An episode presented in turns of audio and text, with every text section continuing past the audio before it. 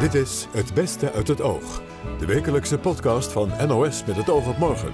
Met de mooiste gesprekken en opvallendste momenten van deze week. Hier is Mieke van der Wij.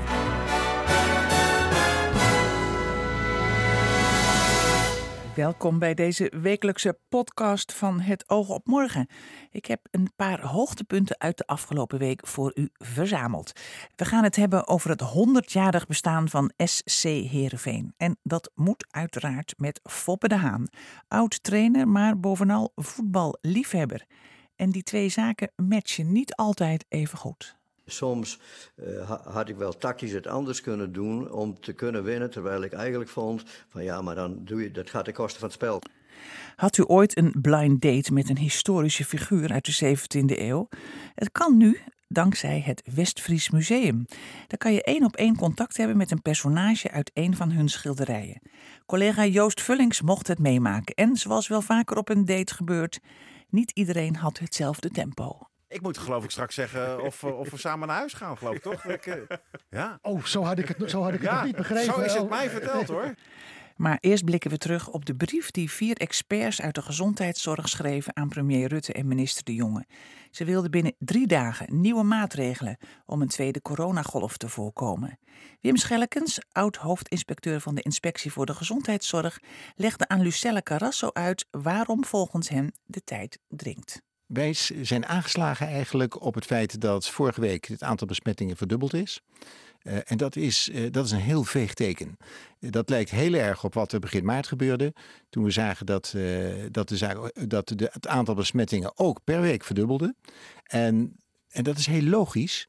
Uh, toen heeft het kabinet gewacht tot, uh, ja, tot ze eigenlijk zagen dat het echt niet meer kon. De GGD deed uh, bronnen contactonderzoek. Toen kwamen er zoveel besmettingen in Brabant dat ze het niet meer aankonden. En toen moest het kabinet ingrijpen. En toen hebben we die beruchte lockdown-maatregelen gekregen. Ja, maar dat weten ze ook bij het Outbreak Management Team. Ja, ja. Um, dus hoe, wat is uw verklaring dat, dat u nu wel met dit advies komt en zij niet? Ja, dat, daar kan ik geen antwoord op geven. Dus dat moet u aan hen vragen. Uh, wij vonden het verontrustend en we hebben dat gekoppeld aan het feit dat we ook zien dat het nu vakantietijd is. Uh, na al die maanden met maatregelen waar mensen zich keurig aan gehouden hebben in het algemeen, zie je nu dat er toch ook een zeer coronamoeheid is. Het is vakantietijd, men wil gewoon erop uit, men wil los. Dat zie je met name ook bij de jeugd. En dat is heel begrijpelijk, maar dat maakt de kans op besmettingen wel groot. En als zich dat verspreidt, dan hebben we een tweede golf die we in de herfst hadden verwacht, eigenlijk nu al. En een van de argumenten is dat er toenemend bewijs is, zou zijn. Uh, is, zou zijn, dat ga ik aan u vragen, dat uh, een mondkapje dragen wel degelijk helpt tegen verdere verspreiding van het virus. Op welk onderzoek baseert u zich? Wat, wat zou het Outbreak Management Team heel snel moeten lezen volgens u? Ja, nou, je ziet nu, uh, er zijn nogal wat onderzoeken losgekomen in de laatste twee, drie maanden, dat mondkapjes wel degelijk bescherming bieden. En dat is er een uit Amerika onder andere, een, ja. een onderzoek. Ja. Welke heeft u gelezen? Welke hebben ja, u aan het denken onderzoeken op, op de verspreiding van de druppeltjes. Uh, de, de, aerosolen, hoe ver komt, komen de fijne druppeltjes? Hoe ver komen de dikke druppeltjes? De RIVM gaat vooral uit van de dikke druppels. En die zijn binnen anderhalve meter op de grond. Maar het gaat om de fijnere druppeltjes. Nou, een mondkapje op zich is niet voldoende. Je moet afstand houden. Anderhalve meter blijft belangrijk. Handen wassen blijft belangrijk. Hygiënemaatregelen. In de zin niet in je ogen zitten, niet in je mond zitten. Maar een mondkapje heeft toegevoegde waarde. Niet als vervanging van de andere maatregelen, maar als, als toegevoegde waarde. En dan heeft het wel degelijk zin. Maar de vraag is natuurlijk op, op basis van, van welk onderzoek gebeurt dat? Want het RIVM zegt ja, het is nog niet voldoende aangetoond tot nu toe dat het helpt. Ja, je mag het ook omdraaien. Het is ook niet aangetoond dat het, dat, dat het niet helpt. En uh, wat heel duidelijk is, als je de, uh, uh, hoort waar, waar het OMT, of met name het RIVM zich op heeft gebaseerd, dat is, we hebben geen onderzoek kunnen vinden waarin staat dat mondkapjes helpen. En toen zei ja van Distel, ja, het is mijn persoonlijke ervaring dat het niet helpt. Uh, ja, dan heb je. Uh, en nu komen de onderzoeken dat het wel degelijk toegevoegde waarde heeft. Dus de OMT kan niet aangeven dat het niet helpt. Hebben ze zich te veel ingegraven de afgelopen tijd met die mondkapjes? Kunnen Dat- ze voor uw gevoel niet meer terug? Weet je, ehm, wetenschappers kunnen altijd terug. Er is altijd nieuwe kennis, er is altijd nieuwe resultaten van onderzoek. En als je als wetenschapper zegt, eh, ik, ik heb me toen gebaseerd op de kennis en de, de, de, de resultaten van toen, maar nu weet ik meer. En dan kan elke wetenschapper zeggen van, eh, we doen het nu anders. Ja, en en eh, toch zeggen iedere wetenschapper ook weer iets anders. Want een, een andere meneer die is gevraagd, een deskundige door eh, Hugo de Jonge, om advies te geven. Die zegt ja, het heeft niet zoveel zin om iedereen te testen die op Schiphol aankomt. Hè. Wat u betreft heeft, heeft, heeft dat wel zin. Eh, Wilt u ook quarantainemaatregelen? Ja. Ik vind het zo ingewikkeld. Eh, het gaat niet om mij, maar wie, wie moet je nou geloven van al, al die experts? Zullen we misschien van een ander uitgangspunt uitgaan? Je kunt zeggen, ik doe alleen maar iets wat echt bewezen is. Dan heb je een probleem, want ze- de situaties zoals die die nu voordoen, die komen niet zo vaak voor. En eh, we hebben gezien dat als je wacht tot je exact weet wat er aan de hand is en wat het bewijs is, dan ben je te laat. Dus u vindt eigenlijk dat die hele redenering die voortdurend wordt eh, gehanteerd, die moet Nou, van ja, tafel. nou, je, je moet moet gewoon dingen gaan doen waarvan je denkt dat het helpt. Ja, je moet natuurlijk niet, niet, niet, niet doorslaan. En je moet natuurlijk wel redenen hebben. En datgene wat je doet, moet, dat moet wel degelijk ook voldoen aan, laten we zeggen, wetenschappelijk gezond verstand, medisch gezond verstand. Ehm, en daar moeten dan wel wetenschappelijke aannames bij zijn. Ik bedoel, het moet wel redelijk zijn. Anders kom je in alternatieve geneeswijze terecht. En dat is niet de bedoeling. Bovendien, je belast de bevolking met vrij behoorlijke maatregelen. Die veel Als je- geld kosten Als je het niet doet, dan kom je in de situatie dat de horeca weer dicht moet, dat de winkels weer dicht moeten, dat mensen niet meer de straat op mogen. En dat is, dat is rampzalig voor de bevolking. Het is rampzalig voor de hele economie. Ehm, en dat gebeurt op het moment dat we ook veel meer zieken hebben, ziekenhuisopnames en doden dan nodig. Dus je mag hier, dat is een, dat is een mooie uitdrukking die ik hoorde laatst, van better safe than sorry. Dus Ja, doe misschien iets te veel. Ehm, en mondkapjes is een extra maatregel, dat is- realiseren we ons best. Maar je ziet nu mensen uit België en Duitsland en ook trouwens uit Griekenland terugkomen die, die zeggen wat raar dat hier geen mondkapjes zijn. En het valt in de praktijk heel erg mee. En u noemde net het aantal ziekenhuisopnames. Dat is vrij stabiel. Eh, er liggen op dit moment 15 mensen op de IC. Eh, eh, wat, wat, wat is uw verklaring daarvoor? Nou, laat ik het zo zeggen. Zou het virus misschien in kracht afnemen? Of zijn er betere middelen die gelijk worden aangeboden Nee. ter behandeling? Wat, Dus de cijfers zijn de laatste maand geruststellend laag. Maar dat heeft ook een heel groot gevaar. Daarmee hebben de mensen die het idee gekregen. Het is over, het is voorbij. We hebben geen ziekenhuisopnames meer. IC is weer normaal. Er zijn heel weinig doden gelukkig. Maar het virus is nog wel. En wat je nu ziet, we hebben in Nederland op dit moment 100 haarden. 100. Dat betekent vijf of zes of meer personen gekoppeld aan één bron. Nou, als je dat laat gaan, als je dat niet zorgvuldig eh, via bronnencontactverzoek onderdrukt, dan heb je binnenkort, binnen de kortste keer een explosie. En je moet je ook realiseren, als je besmet bent, kost het, dan duurt het ongeveer een week voordat je. in het ziekenhuis zou kunnen Dan duurt het belanden. daarna, als je ziek wordt, ongeveer nog twee weken voordat je zo ziek bent dat je naar een ziekenhuis gaat. Dan duurt het ongeveer nog een week voordat je op die C terechtkomt. Dus we zien nu een toename van het aantal besmettingen, een verdubbeling. Dat betekent dat we zien pas ziekenhuisopname over twee weken. Dan zie je de IC pas belast worden over drie weken. En zo lopen we achter de feiten aan. Als je daar dus op wacht, dan gaan ondertussen gaan al die besmettingen door en dan ben je te laat. Nou, dat is de urgentie van onze brief. Nog één ding over het testen, want dat is ook de bedoeling dat dat laagdrempeliger wordt. Ik hoor eh, mensen in mijn omgeving eh, zitten lang aan de telefoon, moeten lang wachten op een test en bovendien ook nog een eindje reizen. Is het realiseerbaar? Eh, veel meer mensen laten zich testen dan vorige week. Echt veel meer. Er waren er 8000 per week en nu zitten we op tegen de 30.000 per week. Ehm, en je ziet dus nu dat de, de teststraten vollopen. Als je nu belt in Zeeland of Noord-Brabant, dan kun je pas maandag terecht. Ja. Eh, dat is zorgelijk, want al die tijd lopen in principe besmette mensen rond. Eh, en vaak ook zonder symptomen. Eh, dat moet echt anders. Eh, en wat maar dat, is niet moet- in drie dagen opgelost. nou, dat, kijk, wat het kabinet moet doen, die moeten de, de GGD maximaal ondersteunen. Financiën mag geen enkel probleem zijn. Uh, een lockdown is vele malen duurder. De eerste lockdown heeft 90 miljard gekost aan, uh, aan vergoeding aan het bedrijfsleven. Dus waar hebben we het over? Het gaat echt om 100.000, een paar miljoen euro om ervoor te zorgen dat er voldoende formatie is. Dus geef nou die GGD'en alle ruimte om dit te doen. Eind augustus wordt het zeker niet. De Kamer liet gisteren weten dat ze 12 augustus terugkomen van reces om dat debat te voeren. Feest bij voetbalclub SC Heerenveen. Ze bestonden afgelopen week 100 jaar. Om die bijzondere verjaardag te vieren had Wilfried de Jong een gesprek met Foppe de Haan. Hij is misschien wel het clubicoon. Al vindt hij dat die eer is weggelegd eigenlijk voor voetballer Abe Lenstra. Abe was natuurlijk uiteindelijk met stip de, de meest belangrijke man. Uh, Abe is, uh, is uh, in onze tijd, en daar heeft Riemer een grote rol in gespeeld, weer helemaal op het, op het schild gezet. En overigens ook heel terecht. En het stadion is naar hem genoemd, en een beeld voor het stadion. En alles is eraan opgehangen. Abe is, heeft de traditie van de club eigenlijk bepaald. Ja, en dus is Abe de belangrijkste. Je heeft traditie bepaald, zeg je, maar dat hebben jullie toch ook? Uh, ja, van der Velde en, en jij? Ja, ja, dat is zo. Maar goed, toen wij begonnen, toen, uh, dat kan ik me nog heel goed herinneren, dan gingen we, om de club weer een beetje in beeld te brengen, uh, deden we avond in kantines van voetbalclubs om mensen uit te leggen wat we wilden en dat zij ook belangrijk waren. Dat ze op een of andere manier altijd ons zouden moeten kunnen helpen, op wat voor manier dan ook. En als je daar dan was, dan was iedereen was, had Abe gezien. En iedereen die was bij Heerenveen Ajax geweest. 5-1 achter met 6-5 winnen. Ja, dat was natuurlijk niet zo, maar er waren er honderdduizend geweest. Mm -hmm. Maar goed, dat gaf eigenlijk wel aan dat uh, uh, voor toen, in 85, was, was uh, voor die mensen, die zijn nou allemaal van mijn leeftijd, was, was Heerenveen Abe. Het was Abe Veen. Nou ja, en, uh, en ja. uiteindelijk uh, is het natuurlijk, hebben wij ook een fantastische periode gehad.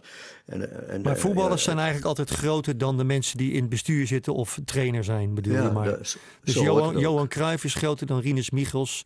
En Willem van Hanegem is groter dan uh, Guus Broks, ik zeg maar wat. Ja, ben ik het helemaal mee eens. Ja. Zullen we eens even naar een fragment luisteren uit 2005? Komt-ie. Weer zo'n gevaarlijke bal en weer gaat hij erin. Gaat zelfs in één keer binnen. Of is het Huntelaar die er nog net aan zat? Het is 2-0 en het lijkt erop dat Klaas-Jan Huntelaar scoort tegen Ajax. 34 gemaakt in 46 wedstrijden voor Heerenveen.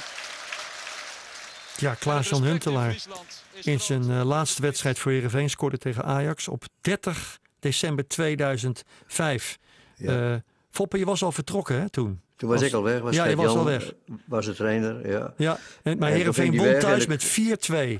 Ja, wat, ja, wat, ja, ja. wat staat je nog bij van dat moment? Is dat nou een, echt een belangrijk moment voor de club geweest? Ajax verslaan thuis met 4-2?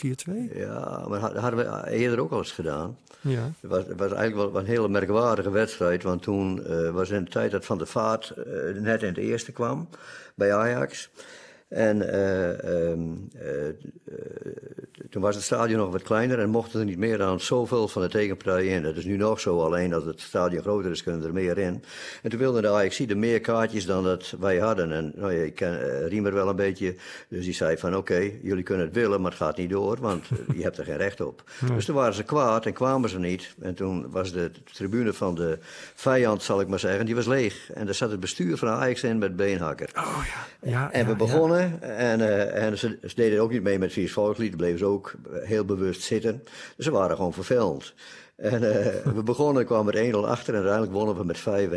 En dat was, dat, dat was voor mij, en, uh, en er was er een journalist uit Amsterdam, ik weet niet meer wie, die had een, uit, uit de Engelse krant opgepikt van uh, Heerenveen verslaat Ajax met 5-1. Boven ergens in een klein schilderijtje heb ik dat bewaard. Het is eigenlijk het, be eigenlijk het beste, be beste wat jullie kan overkomen, hè? dat mensen blijven zitten bij jullie volkslied. Dan worden die agressief ja, en dan winnen ja, jullie ja, die wedstrijden. Worden, ja, dan worden we kwaad. ja, dat is ook, hoe, hoe moet je deze club nou typeren na 100 jaar? Heb je, heb je er überhaupt nog, kun je dat überhaupt nog? Is er een soort lijn in te ontdekken? Is er een, is er een DNA bij deze club te vinden voor jou? Ja, het, is, ja, is typisch Fries. Dus in, de, in de zin van uh, uh, het Friese shirt, het volkslied, maar ook, maar ook de, de, de, de, de mensen. Hè. Dus ik, ik heb jongens ooit wel eens een keer meegenomen naar Staveren om, waren allemaal vreemde jongens. Hè. Ik, daarmee bedoel ik jongens uit, uit andere gebieden van Nederland ja. of uit het buitenland. En had een avond georganiseerd met, eh, met supporters uit Staveren, maar er waren heel veel. Want ik wilde ze laten ontdekken waar die mensen vandaan komen. Dat ze daar drie kwartier voor moeten rijden. En dat ze elke keer weer komen en dat ze drie dubbel erachter staan. Nou ja, en dat, dat, dat, daar moet je een soort gevoel bij hebben. Nou, toen gingen we erheen en toen gingen we langs de Fluizen en de Hegermeer. En dan had je zulke mooie luchten. Ja, nou ja, het, mooi, het kan niet. Dus toen keken ze al een beetje van, dit is, dit is wel een merkwaardig uh, landje, zal ik maar zeggen. Maar Foppe, je gaat me toch niet wijsmaken dat als je de lucht aanwijst in Staveren, dat mensen dan zeggen, ik blijf heel mijn leven voor deze club voetballen? Nee, dat is ook zo. Maar ze moesten er wel gevoel bij krijgen. Ja. Je, je, je, Heerenveen is een, een, club waar gevoel in zit. En ik vond altijd van dat, dat, dat, dat ze het gevoel een beetje moesten voelen. Hè? Dus ik, ik, ik, nam ze gewoon mee. Of ik ging met zijn scootjes heel, ik, ik, noem maar wat. Hè? Maar, maar uh, het eigene, dat, dat, dat moet je leren herkennen. Ja, en dat, dat, dat is een enorme kwaliteit bij de club. En die wordt ook altijd en, en terecht ook. Hè? Staat dat soms ook groot succes in de weg? Ja, dat kan best wel eens. Dat je, dat we te, hè, als het goed gaat, dan zijn we misschien wel te snel tevreden. Dat zou best kunnen. Hè, dat je zegt, van, dan halen we het onderste uit. Kan. Uh, kijk, het, jaar dat we de Champions League haalden, hebben we wel het onderste uit de kan gehaald. Maar dan hadden we een heel gewoon elftal eigenlijk. Eh, dus dat we dat deden was gewoon al fantastisch. Maar er zijn uh, momenten geweest, dat was met name de bekerwedstrijd tegen Roda in 97. Nou, toen, toen, toen hebben we van onszelf verloren. Eh, in welke zin? Nou, te, te, eh, te folkloristisch, uh, te veel aandacht voor, voor andere dingen, te blij dat we er al waren. Je moet blij zijn als je er bent. Hè? En is, dat dan ook, is, dan ook, is dat dan ook de Friese volksaard? Zo die al bestaat? Nee. Want hoe typeer je, die eigenlijk, Foppen? Hoe typeer je die? Nou, gemiddeld genomen rustig, een beetje afwachtend. Uh, en als het erop aankomt, heel emotioneel. En, en heel loyaal naar de mensen om hen heen. Dat, dat, vind, dat vind ik typisch Fries. Maar dat, dat, klinkt, dat klinkt me als, als muziek in de orde, maar uh, daar word je geen kampioen mee. Nee, daar word je geen kampioen mee. Nee. En heeft dat bij jou, is dat bij jou niet een strijd in, in, je hoofd altijd geweest? Dat je aan de ene kant houdt van de folklore, van de volksaard, van de dingen zoals ze zijn, moeten altijd zo blijven. Maar aan de andere kant wil je ook wel een keer dat iemand ergens zijn tand inzet en dat er een wedstrijd gewonnen wordt. Ja, ja, maar de, meesten hebben ook wel gewonnen. maar uh, jawel, maar, maar, je hebt wel gelijk. De, de, het kan best wel een rol spelen. En ik was ook nog, als ik naar mezelf, echt naar mezelf kijk, ook, ben ook nog een enorme voetballiefhebber. Hè? Dus, dus ik ben wel een beetje, nou ja, een, eh, een, eh, de, de, soms had ik wel tactisch het anders kunnen doen om te kunnen winnen. Terwijl ik eigenlijk vond van ja, maar dan doe je, dat gaat ten koste van het spel, zal ik maar ja, zeggen. Hè? Ook een dus liefhebber in de zin van wat, wat Louis Vergaal ook goed kon zeggen. Met 5-1 verliezen, maar zeg maar, we speelden wel het beste voetbal. Ja, dat, dat, ja, nou ja, dat is eh, ja, nou, goed. Waarom heb je eigenlijk nooit een Nederlandse andere club getraind? Ja, nou, dat heeft zich wel een keer voorgedaan. En toen uh, was AZ, uh, na Van Hanegem.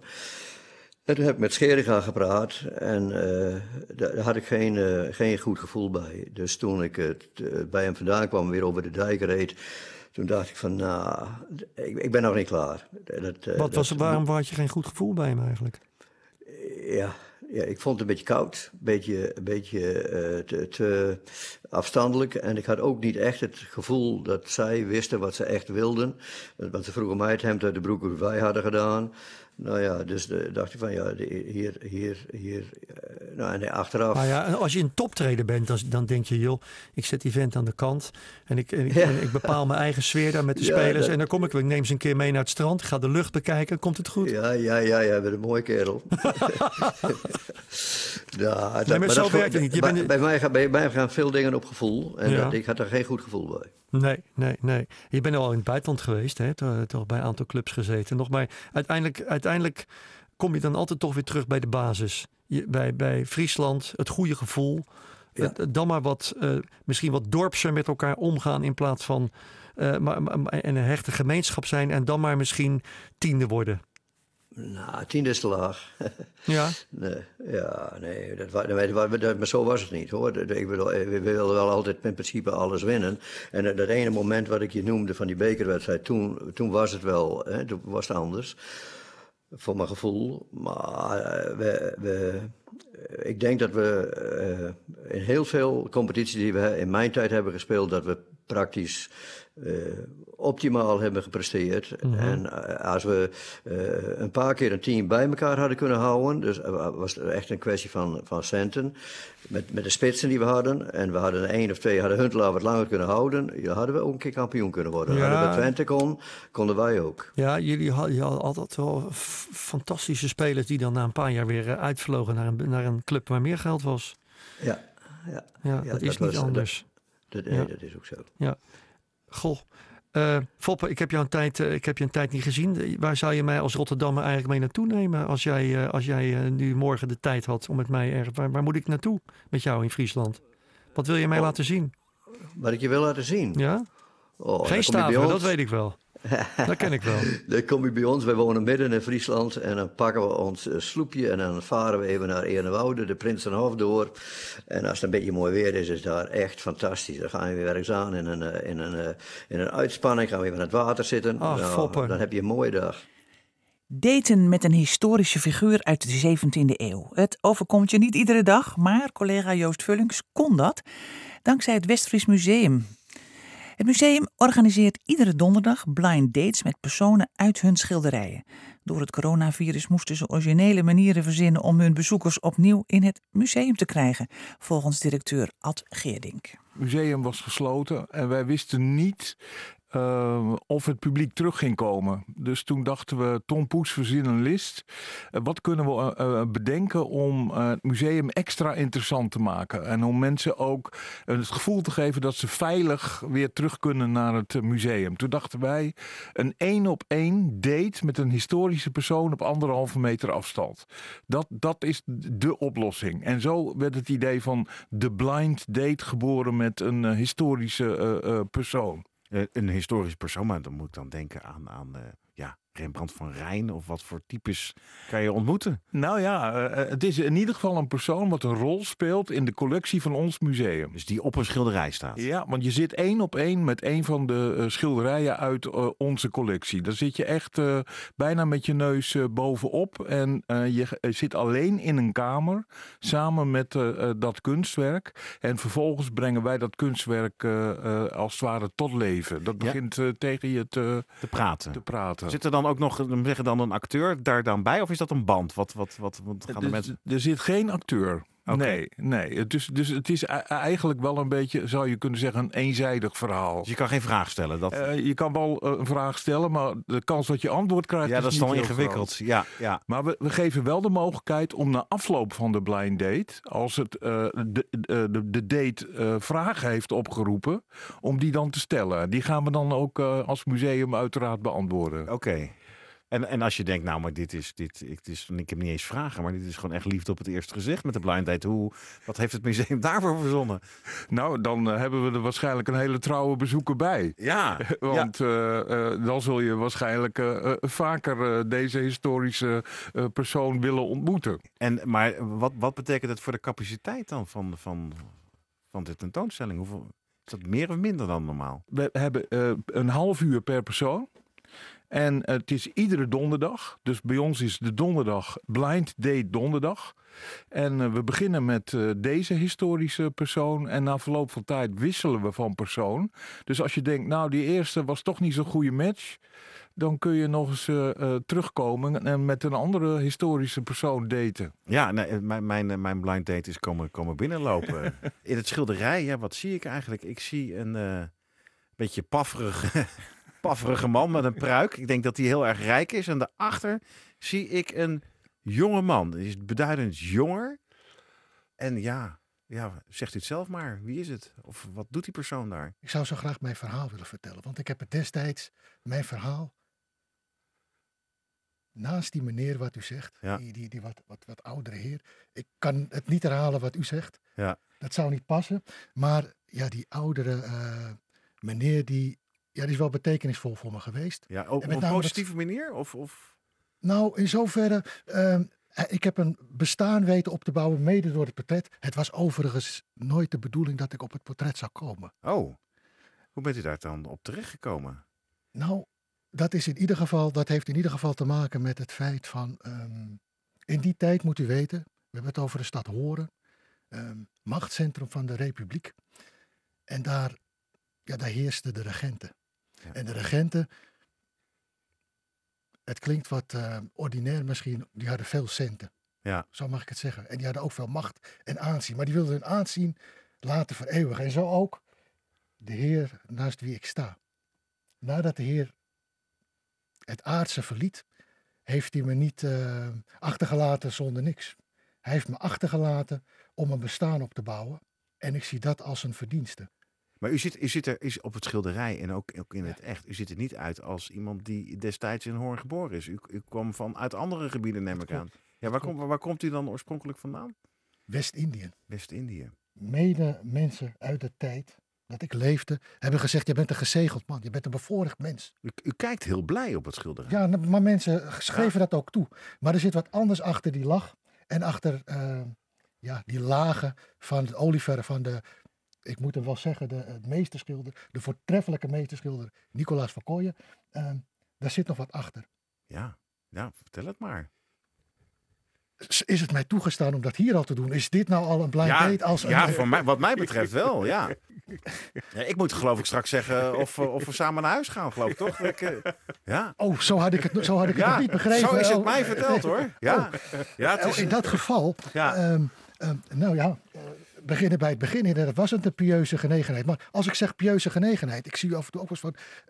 Is dat nog gebruikelijke taal? Want ik krijg nee. soms nog wel eens te horen van... Ja, wat is het eigenlijk? Nou ja, christelijke naastenliefde. Ja. Uh, maar goed, dat, uh, dat was het toch niet helemaal. Want uh, het belangrijkste was dat de, de, de blind date niet terug zou vallen in zijn duister, vorige duisternissen en onwetendheid van het heidendom. Ah. Om die reden kreeg de blind date een behoorlijke nalatenschap. Alleen die kreeg hij niet zelf. Dat werd voor hem beheerd, want men was bang dat hij het geld in één keer zou verkwisten. Ja, was dat, was dat een terechte aanname destijds? Of uh, ik vermoed, gelet op de carrière die de Blind Date vervolgens heeft gemaakt, dat het niet geheel terecht was. Overigens heeft deze persoon ook nog een rechtszaak aangespannen, wat in die tijd heel ongebruikelijk was. Dus het is een hele interessante persoon. Interessant uh, experiment van het Westfries Museum, dus in Horen. Wij eindigen vandaag met het overlijden van mensenrechtenactivist en politicus John Lewis. Hij was de laatste nog levende persoon van de Freedom Riders, een groep waar ook Martin Luther King bij hoorde. Wilfried de Jong sprak Lois Pot Mothershed, die in de jaren 60 zijn impact als onder andere Freedom Rider van heel dichtbij meemaakte. Je had eerst Rosa Parks voor de Montgomery Bus Boycott.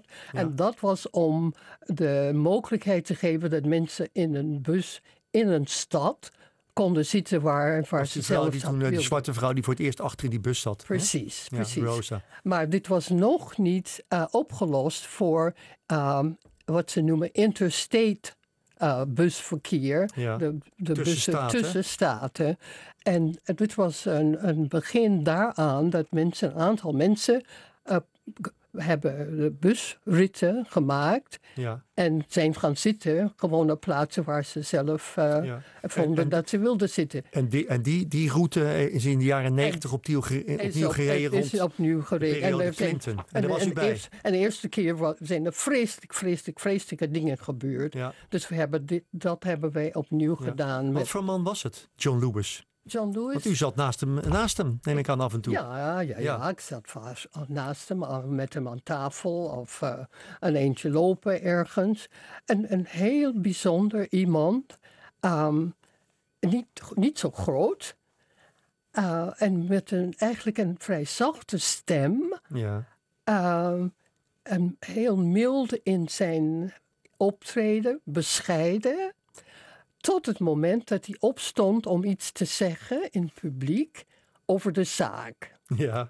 En toen brak het los. Ja, want dan, dan, dan werd hij feller dan toen, dat toen, hij normaal ja, was? Ja, ja. toen ja, kwam ja. er vuur Ja. Uh, maar gewoon contact met, met mensen, zo, met, uh, onder, met twee of, of kleine groepjes, was het een hele rustige, bescheiden man. Ja, nou stond hij in, in, in te, boek toen, uh, te boek in de jaren zestig, toen hij optrok met Martin Luther King, en eigenlijk in totaal met, met zes mensen, hè, die, toen ze die acties voerden, als geweldloos. Was hij dat, tot, tot, was hij dat eigenlijk heel precies? Of hield dat geweldloze ergens op voor hem?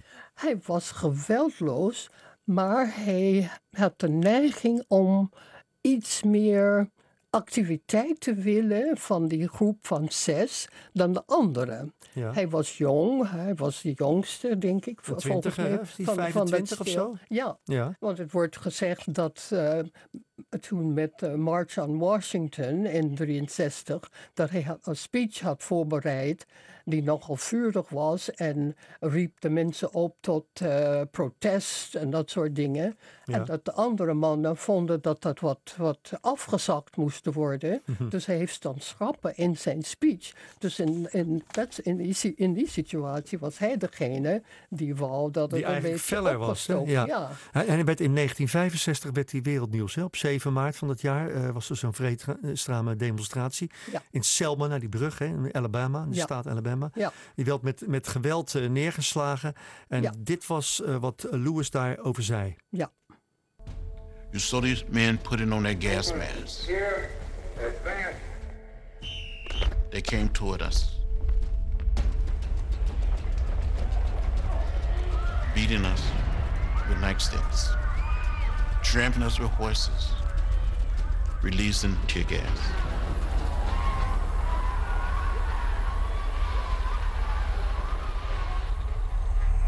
I was the first person to be hit. I was hit in the head by a state trooper with a nightstick. I thought I saw death.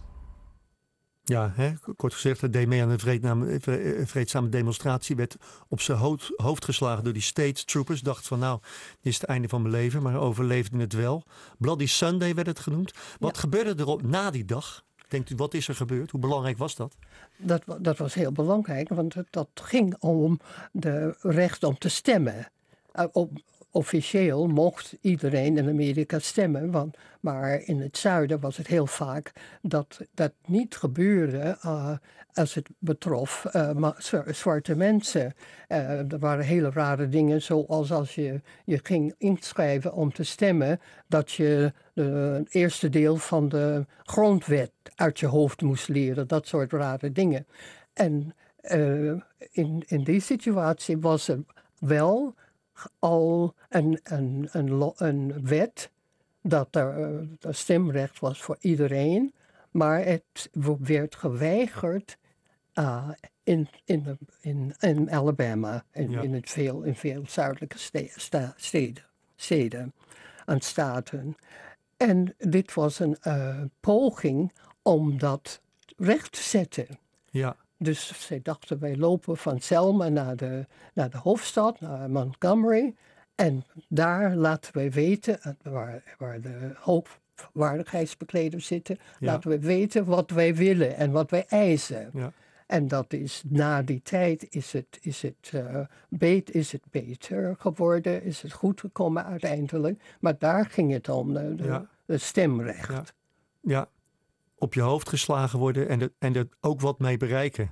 Ja. Het is, ja, uh, ja, ja, en het is wel zo. De het heeft mensen... hem ook niet, sorry, maar het heeft hem ook niet belet om vervolgens nog weer door te gaan hè, als politicus. Nee. Hij is tot aan het laatste oh, politicus door, geweest, een activist. Hij heeft, heeft, ook iets van dertig keer in de gevangenis gezeten. In, in, uh, uh, omdat hij ergens was waar mensen vonden dat hij niet moest zijn. En dan werd hij weer meegesleurd en meegenomen. Dus hij ja, Ik las ook ergens dat hij, eh, dat hij in, in iets in, in memoriam nu al dat hij ook echt uh, blij was met Black Lives Matter hè, van de afgelopen maanden. Ja, ja, ja. Want hij, hij, hij ziet dit, hij zag dit als een voortzetting van zijn eigen werk en het is wel zo, het is heel, vind ik heel interessant, dat de, de beweging voor Black Lives Matter is uh, misschien in dezelfde sfeer waarin hij begon al die jaren geleden. In de, uh, dat iets moet veranderen En hier ben ik en ik, ik wil alles doen om te zorgen dat het verandert. U, u, u zet er twee vuisten bij op, zie ik. Ja. In die sfeer ging het, ja, inderdaad. Ja, inderdaad. Ja, En wat, wat is uw mooiste herinnering als u nog terugdenkt aan die, aan die dagen dat u met hem was? Wat heeft hij gezegd tegen u of u denkt, dat hou ik altijd bij me in mijn hoofd? Nou, ik, ik, nou, ik kan niet een citaat uh, mij herinneren.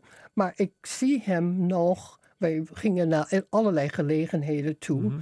En een van de, van de situaties was bij in, in het bejaardenhuis. Ja. Waar hij met mensen bezig was. En er was iemand die hem uh, niet goed kende, maar hem uh, wel bewonderde. Ja. En hij is tijdens zijn, zijn speech is hij op een gegeven ogenblik gewoon naast die vrouw gaan zitten. En haar hand vasthouden, dat kan daar in, het, in het zuiden. En ja. mensen zijn niet bang om elkaar aan te raken. Nu wel natuurlijk. Ja, met voor corona. was het natuurlijk. Maar, ja, Voorheen dus hij liep in feite gewoon weg van zijn spreekgestoelte, van zijn microfoon. En ging gewoon naast gewoon iemand naast, zitten. naast die vrouw zitten. En dat, dat is u bijgebleven. En dat is mij bijgebleven, want zo is die. Zo was die. Lois Spot Mothershed. Bijzonder om iemand te spreken en eh, ook te beluisteren dus, die die tijd nog heeft meegemaakt. We zijn daarmee aan het eind gekomen van de podcast deze week. Maar volgende week staat er weer een nieuwe podcast klaar in uw favoriete podcast app. Heel graag tot dan. Dag.